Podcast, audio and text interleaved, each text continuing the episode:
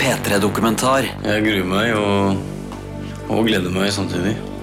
Det blir bli deilig å bli fri mann igjen.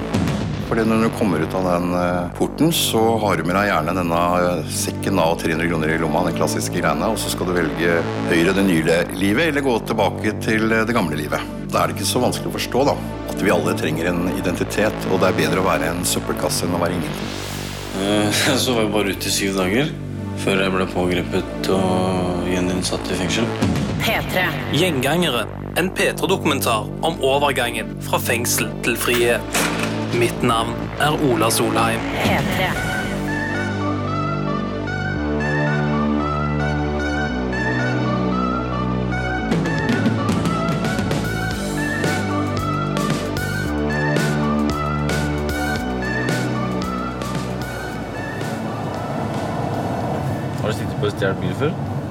Nei, det er første gang. Vi sitter i en sølvgrå Mercedes på en motorvei ut av Oslo. Det er den 18. mai, og Preben er sliten. Sliten av å ligge lavt. Jeg ser med en gang om jeg har politi bak meg eller ikke. De bak meg nå er to gamle Et gammelt par. Nå kjører de foran der. Det er nøyaktig to måneder siden han slapp ut av fengsel. Så at både jeg og Preben skulle ende opp i en stjålen bil, var det nok ingen av oss som planla. Og hvordan Preben havna i denne situasjonen, starter her. Hei sann, jeg skal med fra P3. Det er den 17. mars 2017, og vi er på vei inn i Oslo fengsel. Det er Prebens siste dag som innsatt. Ja, har du noe legitimasjon eh, med deg? Han er bare 21 år, men har vært i fengsel flere ganger. Du står jo på lista, du, så det er greit, det. Har du vært her før? Jeg skal besøke Preben for å høre hva han har planlagt for sitt nye liv på utsida. Det Da beholder jeg legitimasjonen din her. Etter å ha kommet meg gjennom besøksinngangen og et titalls låste dører, treffer jeg han på pauserommet til betjentene. Jeg er frimann i morgen. Hæ? Jeg er frimann i morgen. Ja. Hvor lenge er det til? De er morsomme, de betjentene nå. da. Det skal de ha. Det, til tider. Inne på cella til Preben er det ekstremt ryddig. Han sitter på sengekanten og ruller seg en røyk. Fra kragen til pikéskjorta skimter man en stor P som er tatovert på halsen. Nå sitter vi på avdeling Setre i Oslo fengsel. På celle 372. Min siste dag i fengselet. Røyken stiger sakte opp mot sollyset, som presser seg gjennom gittervinduet. De hvite celleveggene er preget av innrissinger fra tidligere beboere. I hylla ligger alle klærne hans fint bretta sammen, klar for løslatelse. Hvordan føles det? Det er deilig, ass. Jeg gruer meg og, og gleder meg samtidig. Det skal bli deilig å bli fri mann igjen. Det er ikke, kult. Det er ikke noe kult å sitte her. Det er bare tap. Taper bare på det. I sin helhet. Bare taper hele veien. Penger og frihet og samvær med venner og familie og hele den mølja der, da, ikke sant. Er det første gang? Nei, det er ikke første gang. Jeg har vært inne fire eller fem ganger, tror jeg. Eh, Jeg var 16 første gang jeg satt inne. Da satt jeg for ran. Eh, Butikkran. Ja. Nå sitter jeg for eh, vold mot uh, en person og vold mot polititjenestemenn. Ja. Samt kjøring uten gyldig førerkort. Kjøring i påvirka tilstand.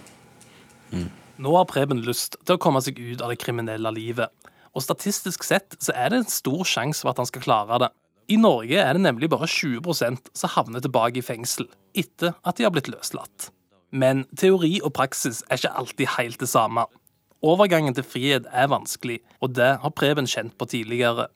Ja, jeg satt i varetekt i sommer to måneder, og så ble jeg løslatt eh, den niende uken. Og jeg hadde jo ikke noen ting å gå til. Jeg hadde ikke sted å bo, hadde ikke penger. Så jeg fikk et noen par tusenlapper av familie, og så måtte jeg sove hos noen venner et par dager her og der overalt, liksom. Ja. Eh, Så var jeg bare ute i syv dager før jeg ble pågrepet og gjeninnsatt i fengsel. Så det gikk ikke så lang tid før jeg ble pågrepet for en ny sak. Da ble jeg pågrepet for narkotika, besittelse. Det var eget bruk og salg. Ja, For, for å råd til å leve? Ja, må jo ha levebrød, ikke sant. Nå som Preben skal ut, må han forholde seg til det vanlige livet. Opp på jobb, betale skatt og regninger, smile til kassedama og bidra til samfunnet. Men jeg husker sjøl fra da jeg var liten, da var fengsel ganske skummelt. Det samme gjaldt de som satt der.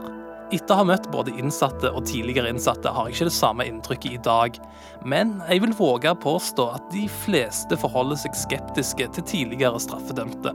Preben er kanskje klar for å leve et vanlig liv, men er samfunnet klar for Preben? Jeg omgås jo ikke så mye med vanlige mennesker lenger, men eh, Jeg har jo fått mye av den preiken, mye frekkheter og sånn fra barndomsvenner da når de var når vi var 15-16 og sånn. 'Hvorfor gjør du sånn? Hvorfor gjør du sånn?' Og da reagerte jeg med sinne og sånn òg. Gjorde det. Du ga dem det de ville ha, på en måte? Ja. Fuck deg, liksom. Hvorfor bryr du deg? La meg kjøre min stil. Er sånn når du skal finne leilighet sånt da. Du møtte ikke på pornohjem da? Nei. Da drar jeg selvfølgelig noen løgner og sånn. Han veit ikke at jeg kommer fra fengsel og sånn. Huseieren. Jeg sa jeg ble kastet av dama i Lillehammer. øh, skal flytte til Oslo og jobbe igjen. Sagt opp jobben, og hun kaster meg ut, så jeg har ikke sted å bo. Og starter på scratch. Og det er behov for Nav. Og vanlige mennesker, de er jo De er jo godtroende mennesker, ikke sant? Så det, han hadde ikke noe spørsmål. Det var ikke noe Muffins 3 han mistenkte. Nei. Det er, det er jo som et lite kollektiv, ikke sant. Gutta spiller sjakk, og noen sitter og røyker og koser seg, ikke sant. Preben viser meg rundt på avdelingen. Og så Og så han som kommer der, han er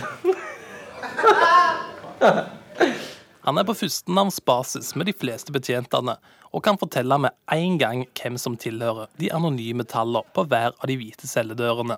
Det er tydelig at dette er et sted hvor han er komfortabel. Jeg er glad for hans vegne. Og kjekt å ha han på avdelingen. Selvfølgelig. Hvordan er Preben på avdelingen? Tipp topp, tommel opp. Det er lett å tenke at du ikke kan gjøre noe med gjengangerne, og at fengsel er det eneste stedet for dem.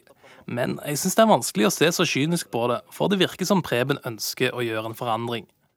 Det har jo gått ut før. Eh, Men det Som sagt, jeg har jo jobb og bolig og sånn å komme til nå. Det er forskjellen fra forrige gang. Så jeg har veldig gode odds da, for at det kommer til å gå bra. Men du ser nesten på som et sjansespill, altså?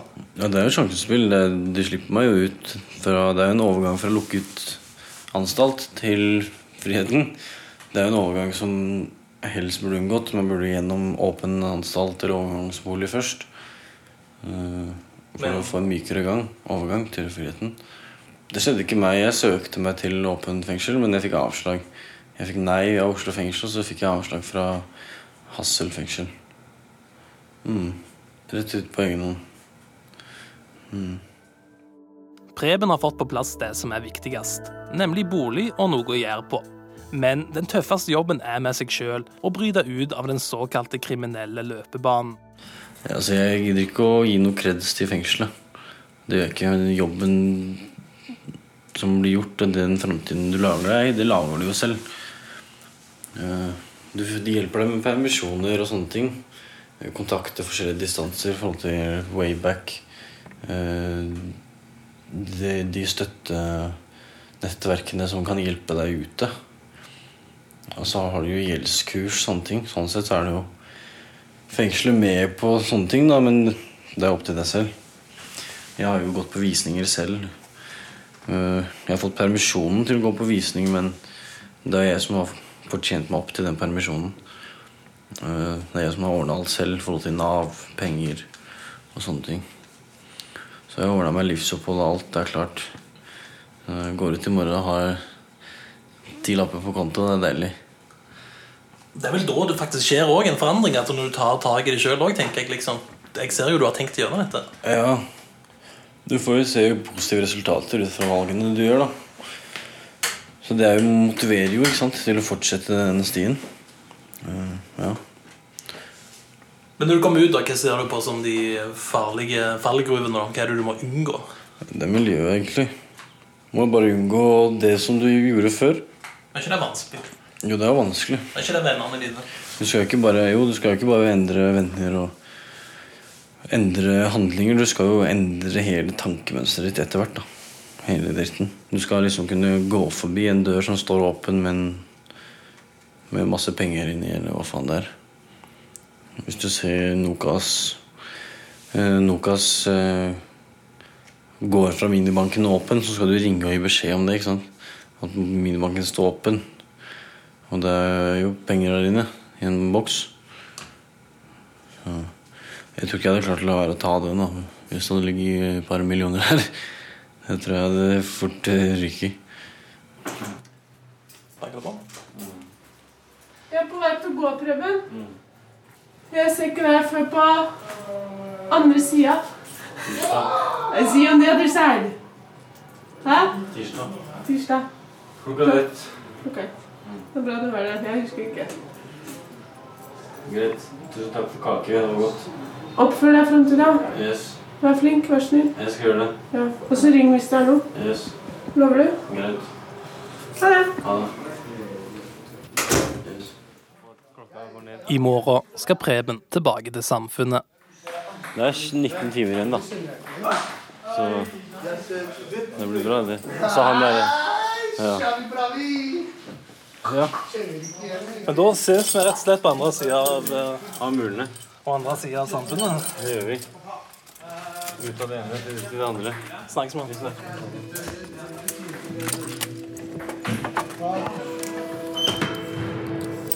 Planen er å møte han igjen etter han har fått organisert seg litt. Begynt i den nye jobben og flytta inn i det nye kollektivet.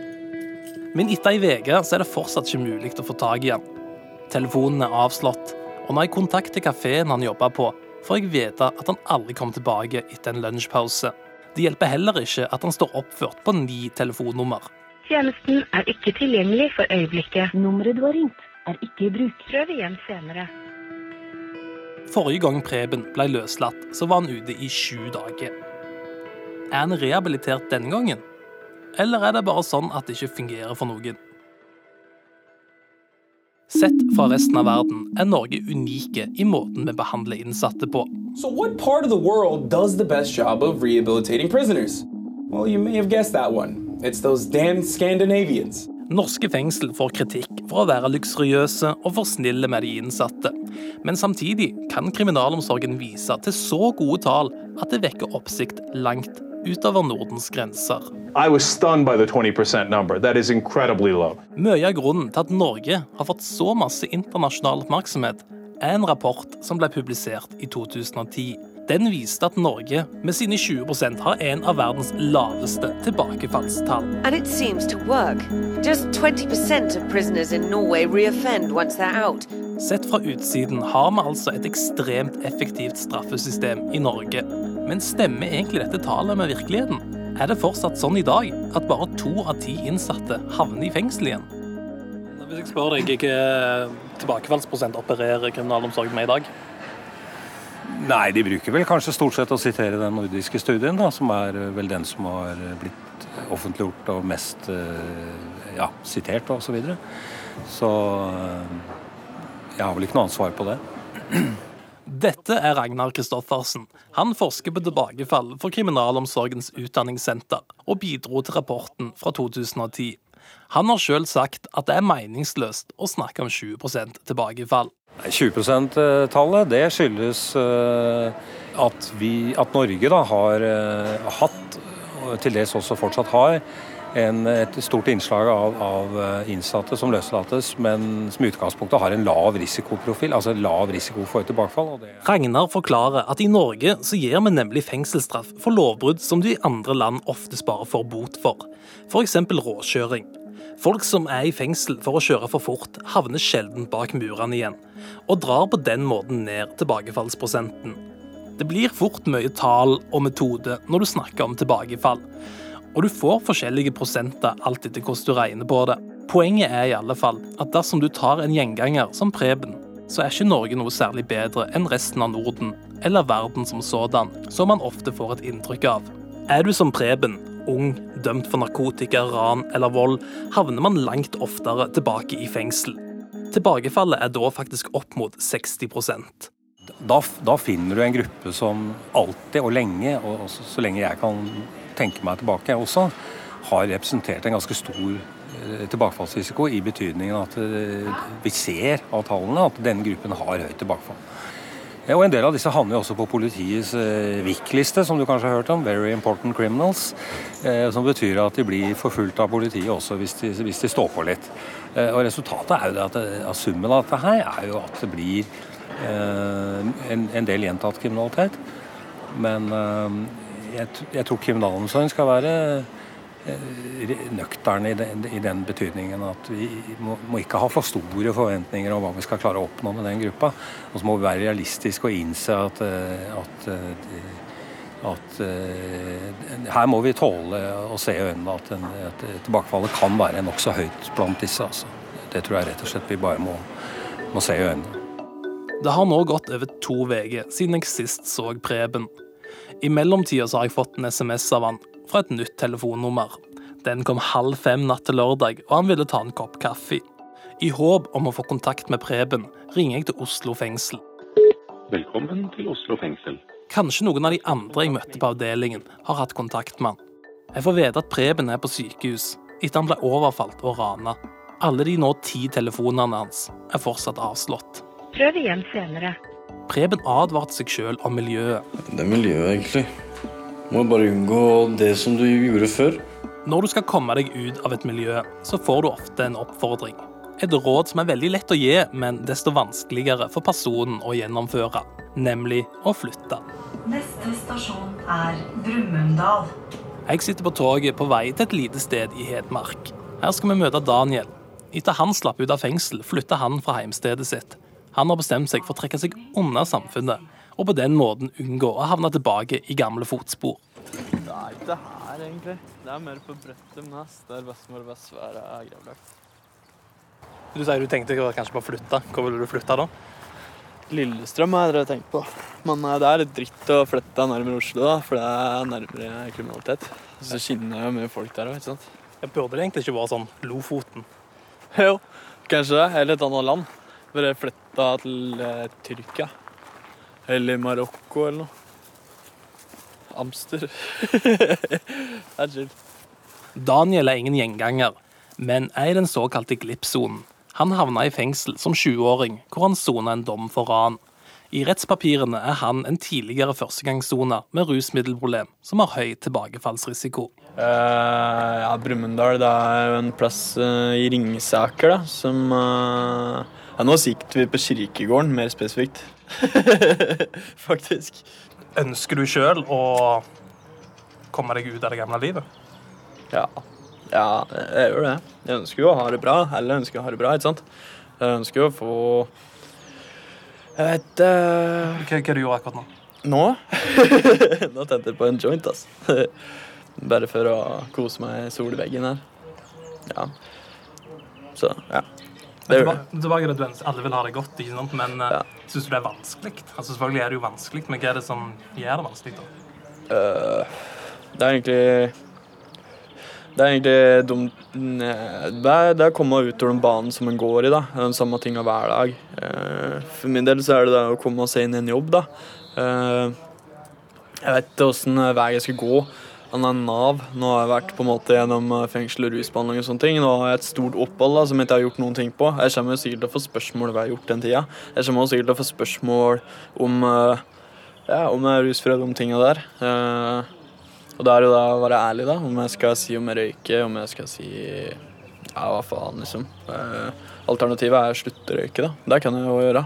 Ting går jo bra når jeg ikke gjør det, liksom. Det beste er å gi faen. Helt sikkert. Hvordan er det i dag? Jeg ser jo at du er jo ikke rusfri. Nei, jeg er ikke rusfri. Jeg røyker litt og sånn, da. Det gjør jeg. Men ellers så går det ganske bra. Jeg hadde en periode nå for litt siden som ting glidde litt ut og sånne ting, men jeg har tatt og samla meg litt sammen og tatt avstand til miljøet litt. Da.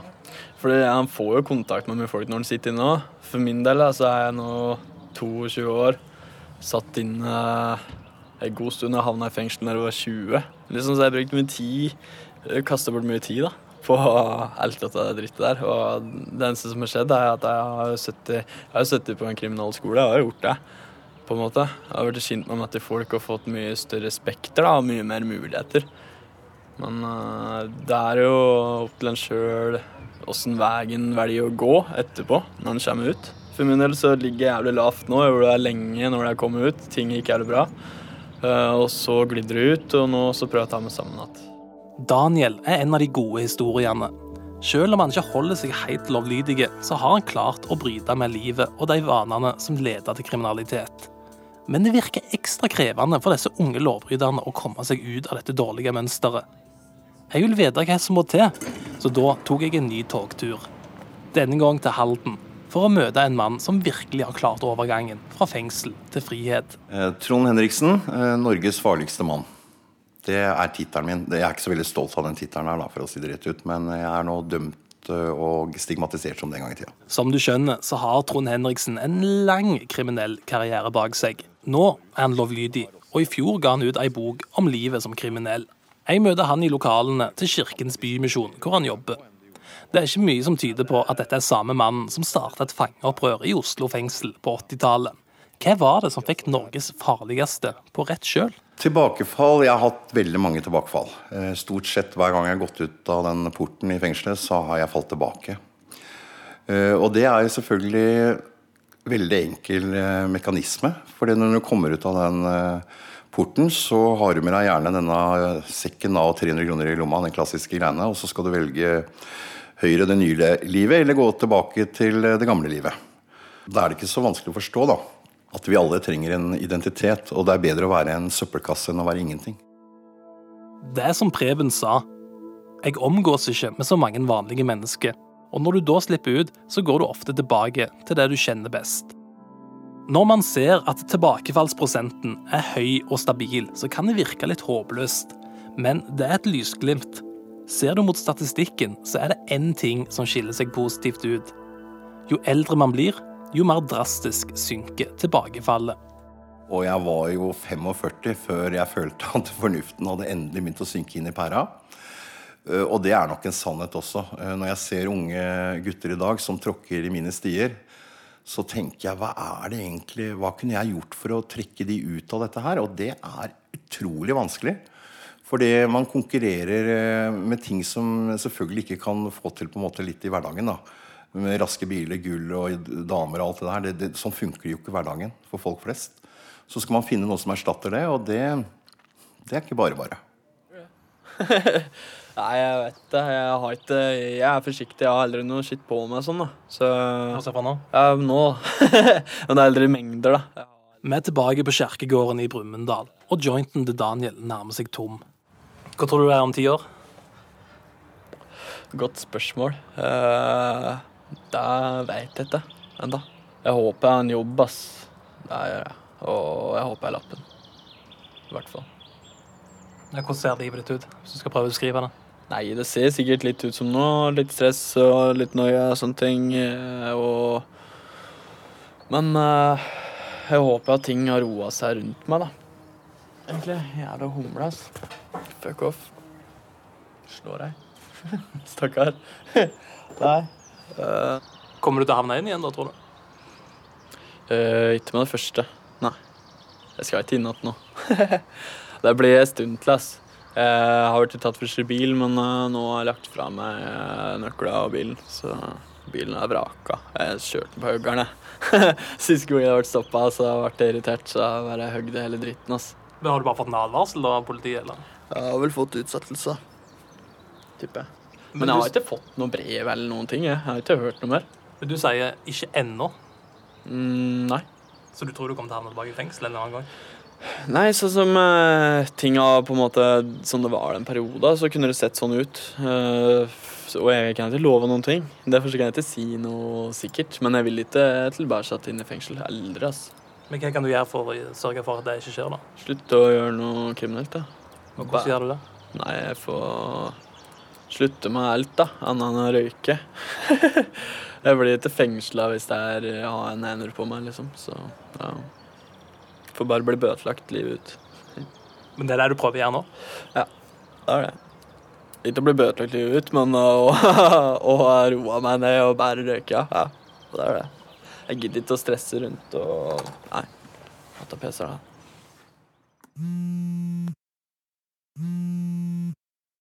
Hei sann, Ola. Det er Preben her. Hei. Hvordan går det? Jo, det går. Kan du har du mulighet til å ringe meg på mitt eget nummer, eller? Ja, gjerne det. Skal vi se Det er eh, Har du noe å skrive med? Det har gått to måneder nå siden jeg sist så Preben. Uh, ja, nå. Har han klart å holde seg unna miljøet, eller er det tilbake til det samme gamle livet med dop og kriminalitet? Nå som jeg endelig har fått tak i han, så vil jeg gjerne møte han. Jeg spør hvor han er, og vi avtaler å møte hverandre på Ullevål sykehus, siden han kjørte bil, og det var i nærheten av meg. Jeg sitter på en benk og venter, og der kommer han rullende inn i en Mercedes, og det er mye som har skjedd siden sist. Det er lenge siden. Nei, Nei, hvis ikke du hadde latt. Han kjørte politiet, så ikke masse? To-tre biler etter hverandre. Nå kjører de ut fra sykehuset bak der. Jeg kunne ikke kjøre nå. Han er tydelig litt nervøs, og vi tar intervjuet nede i ei kjellertrapp. Vi prater litt om tida etter fengsel, hvor noe av det første han gjorde, var å ta nye tatoveringer og festa ei uke i strekk. Ja, Var det den du tok? Jeg trodde du skulle fylle i på Jeg har tatt terninger her. Og så har jeg tatt her og her. Nei, Hvor lenge siden jeg traff deg nå?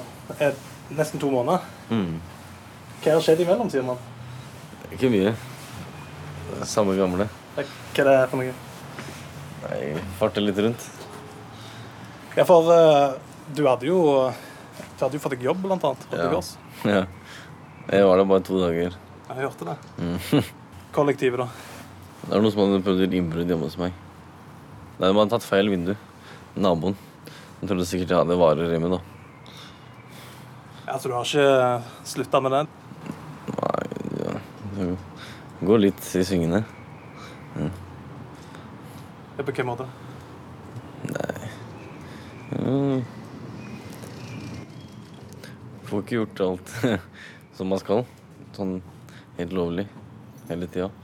Ja, nei, så jeg er jo kanskje, jeg tror jeg er etterlyst. da Jeg snakka med politiet i går. De sa jo det De ville jeg skulle komme ned. Kunne ikke si informasjon på telefon. De var ikke sikker på om det var meg. Men det er bare tull. Det sier de når det er etterlyst. De prøver å lure deg inn? Mm. Avhør bare. Fordi jeg har vært fornærma i en sak. ikke? Preben virker stressa, og det er vel kanskje naturlig når du tror du er etterlyst. Han sier det fordi han sjøl er fornærma i en sak, men det er et eller annet som ikke stemmer. Blind vold. Det var fem Blind stykker- vold, ja. ja. Det var fem stykker som hoppa på meg i Slottsparken mens jeg var med en venninne. Små unger. 16 18 år eller noe sånt. Da jeg var der og tok en øl, og så bare kom de fra siden. Jeg rakk ikke å reagere eller slå tilbake eller ingenting. Jeg lå i sykehuset i tre dager med hjernerystelse. Jeg ser jo arr i pannen. Ja, ja. Sitter syv stygn, seks-syv stygn der. Men det, var det helt umotivert? Det var helt umotivert. Altså. Jeg hadde skjønt det hvis det hadde vært tidligere fiender, men det er jo ikke det. Aldri fått så juling før. Altså. Hvordan går det nå? Ja, det går bedre nå. Jeg hadde en um, angst og sånn første uka eller noe sånt. Blå under øya og måtte være inne og bli frisk. Ser bra ut nå, da. Jeg har blitt mye bedre nå. Stingene skal jeg ta ut etterpå på legevakta. Men Hva skjedde liksom med ambisjonene og planene om å gå ei bein i linje? Nei, det, det sklir fort ut, det. Det er livsstilen, det. Som man lever, er det beste. Det man kan. Jeg har ikke fått på meg så mye saker. Jeg har blitt arrestert to ganger for fyllebråk. Ikke noe alvorlig. Jeg Kan få forelegg for det. Eller sikkert du slapp ut. Ja, Så jeg har tatt det ganske rolig. To fyllearrester.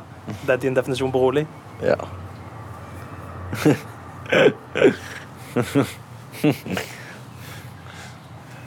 Nei da, men uh, Blir det ikke bare det samme gamle, da? Nei, jeg skal ikke drive med noe sånn mye narkos, narkos sånn som før. Ikke så mye så du holder på ennå? liksom. Nei, jeg holder ikke på med så mye nå. Nei. Ikke. Hvordan tjener du penger? da? Hvordan lever du? Jeg hjelper folk da, hvis noen trenger noe. da. Uansett hva det er. Så å si. Trenger ikke være narkotika, men eh, man kan tenke seg noe. Men det er skattefritt, regner jeg med. Det er skatte, det er skattefritt ganske ofte. Ja, det er mye stress. Skylder penger, og du blir for gjeld og må stresse og fikse penger og mye blakke tider og mye gode tider òg, da. Selvfølgelig. Jeg skal til en venninne i dag i Lommedalen og besøke henne. Hun er helt ordentlig og lovlydig. Og... Så vi kjører ut dit etterpå. Så planen er bare å komme meg opp dit uten å bli tatt, til Bærum. Nå som jeg endelig har fått møtt han igjen, så vil jeg gjerne bruke sjansen, og setter meg derfor inn i Mercedesen og blir med han på kjøreturen opp til Bærum. Jeg ser med en gang om jeg har politi bak meg eller ikke. De bak meg nå er to gamle Et gammelt par som kjører den Forden der. Det virker som du må leve på livet når du konstant ser over skulderen din. Mm. Er ikke det slitsomt? Jo. Ja, men du blir så vant til det. Det blir sånn Hva heter det nå? Det blir jo bare en vanlig sak. Og bilturen blir fort litt ubehagelig. Det hadde ikke vært mer chill å hatt en åtte til fire-jobb. Jeg, jeg, drikker, jeg drikker hver dag. Jeg drikker mot eh, nervøsitet og alt, alt mulig sånn. Men jeg har blitt så alkoholisert at jeg, jeg blir ikke full lenger, nesten. Jeg kjørte bil helt perfekt langt her om dagen. Da hadde jeg drukket ja, da faen jeg, ni øl eller noe. Og kunne kjøre. Det er ikke vanlig, det, altså. Blikket hans flakker opp mot bakspeilet. Han har alltid oversikt over hvor mange som sitter i bilene bak oss. Det er som han forventer at politiet skal komme hvert øyeblikk og vinke han til sides. Det er ikke lenge til vi er framme. Jeg er stjålet bil en gang. Da ble jeg tatt. jeg satte meg inn i bilen bare. Han gikk fra bilen med nøkkelen. Her om dagen fylte jeg bensin for 800, tror jeg. Så kjørte jeg bare. Så dette er en De så ikke engang. Jeg reagerte ikke engang. Dette er en ettersøkt bil, med andre ord. Ja. Med andre ord, ja. Det er ikke bare bensinen som viser seg å være stjålen. Jeg graver litt, og det viser seg at bilen vi kjører, er etterlyst av politiet. Jeg tror de har etterlyst meg med bilen fordi de har sett meg på kamera på Sandaker-senteret. Det var der det skjedde. Men er det ikke rett tilbake, da? Jeg får en, par måned, en måned, to måneder. Hvis jeg stopper. Men jeg stopper som regel ikke. For politiet. Men jeg skal gjøre det nå hvis jeg blir stoppa nå. Hvis ikke så får jeg varetekt. Mest sannsynlig. Du sier det liksom som det er. Første måned jeg slapp ut, så ble jeg tror jeg, jeg ble sett sammen med mye folk som er, har orgen på seg sånn, vet du. Organisert politiet. Den der org-gruppa. Og de har spanere og sånn, vet du. Det er derfor jeg har vært litt under jorda og sånn den siste måneden. Men nå har du planer om å forsvinne helt? Ja. Jeg skal bli helt borte. Til ting blir litt bedre tider, da, med penger og sånn. Må få snakka med politiet. Jeg snakka med dem i går. Men jeg må få snakka med dem og få avtalt avhør og sånn. Så jeg slipper det her og her. Så jeg heller kan komme og møte opp selv. Jeg har ikke lyst til å bli funnet, ikke sant. Da må jeg sove i glattcella og vente på avhør. Og hvis etterforskeren har fri nå, jeg blir pågrepet nå, halv tre på formiddagen, da må jeg sitte til i morgen tidlig, ikke sant? Nykter. Er det som verste delen? Ja, fytte helvete. Jeg rømmer jo bare fra glattcella om nå. nå. Hvis alt dette her samler seg, i, samler seg, så kan det jo fort bli soning igjen nå i fengsel. Jeg har dratt, dratt på meg et par måneder. Men jeg kan jo få ordna ting så jeg får det på EK, EK da. For jeg er ikke tatt for nark eller vold i hjemmet. Så jeg kan bli, få kanskje elektrisk soning. Eller to måneder, tre måneder på Bru, Bruvoll i Lilleseng. De er faen i. Jeg har ikke vært der før. Kanskje det er bra, det. Vi svinger inn på en avsidesliggende parkeringsplass et sted i Bærum. Veldig fint sted. Masse sånne små, koselige gamle hus. Over 100 år gamle, mange av de husene her. Det er her jeg tar farvel med Preben. Nå er det nok bare et spørsmål om tid før han enten møter opp hos politiet sjøl eller blir henta av de. Tilbakefall ble det denne gangen også. Her pleier jeg å stå en del. Her kan man finne meg hvis jeg går og leiter her. Da står jeg her ofte. Hva du gjør her når du henger? Ja. Tenker. ja. Drikker og sånn. Det er kjedelig, jo. Jo. Det er dritkjedelig, ass.